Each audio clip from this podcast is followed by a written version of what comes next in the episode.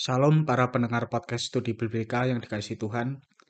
Pada episode kali ini kita akan merenungkan seberapa berharga Kristus bagimu. Diambil dari Yohanes 18 ayat 38b sampai 40. Demikian firman Tuhan. Sesudah mengatakan demikian, keluarlah Pilatus lagi mendapatkan orang-orang Yahudi dan berkata kepada mereka, Aku tidak mendapati kesalahan apa pun padanya. Tetapi pada kamu ada kebiasaan bahwa pada Paskah aku membebaskan seorang bagimu. Maukah kamu supaya aku membebaskan raja orang Yahudi bagimu? Mereka berteriak pula, Jangan dia, melainkan Barabas. Barabas adalah seorang penyamun. Amin.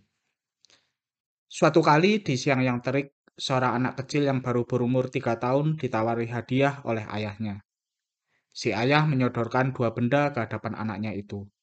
Di tangan kanannya ada sebatang es krim coklat yang menggiurkan.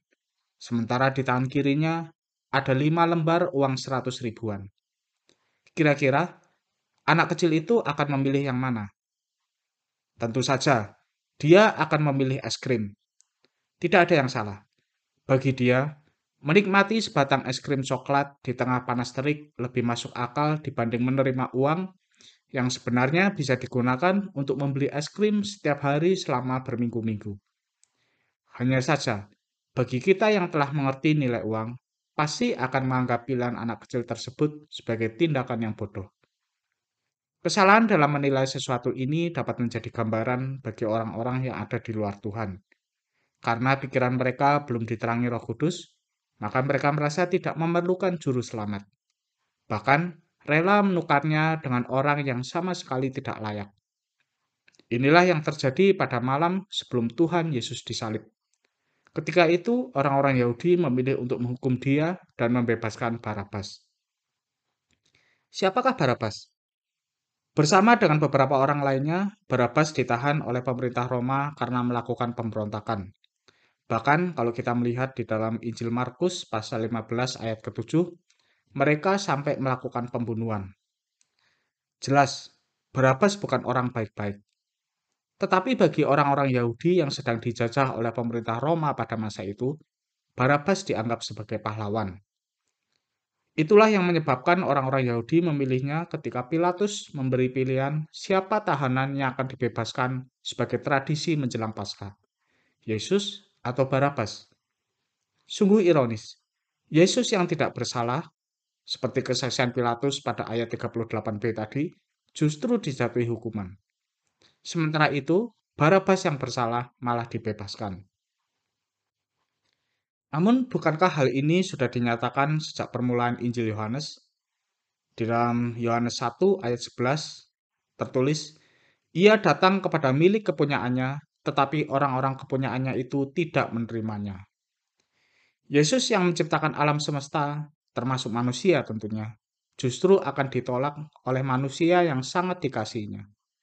Begitu besar cinta kasihnya pada kepunyaannya itu, sehingga dia rela meninggalkan surga, turun ke dunia dan menjadi manusia untuk menggantikan hukuman dosa yang layak diterima manusia.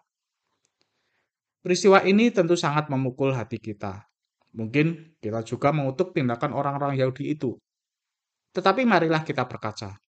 Apakah kita tidak pernah ada pada posisi mereka? Tidak terhitung lagi banyaknya anak-anak Tuhan yang menukar Yesus dengan pacar, jabatan, atau nama baik. Kemudian, berapa kali kita lebih memilih untuk menuruti keinginan daging dibanding menuruti kehendak Tuhan? Bukankah itu sama saja dengan apa yang dilakukan oleh orang-orang Yahudi tadi? Marilah kita senantiasa berusaha mengenal Tuhan melalui firman-Nya. Kita akan diajar untuk mengerti seberapa berharganya Kristus, sehingga kita dapat berkata seperti pemazmur dalam Mazmur 73 ayat 25b, Selain engkau, tidak ada yang kuingini di bumi. Itulah yang akan membuat kita mampu menampik semua tawaran kenikmatan dunia dan hidup hanya untuk memuliakan Tuhan. Amin. Dua pertanyaan untuk yang direnungkan. Yang pertama, apakah mungkin seseorang memperoleh kebahagiaan di dunia tanpa memiliki Kristus? Jelaskan. Yang kedua, Bagaimana pendapat Anda jika ada orang yang menomorduakan keluarga atau urusan sehari-hari demi mengutamakan pelayanan? Tuhan memberkati.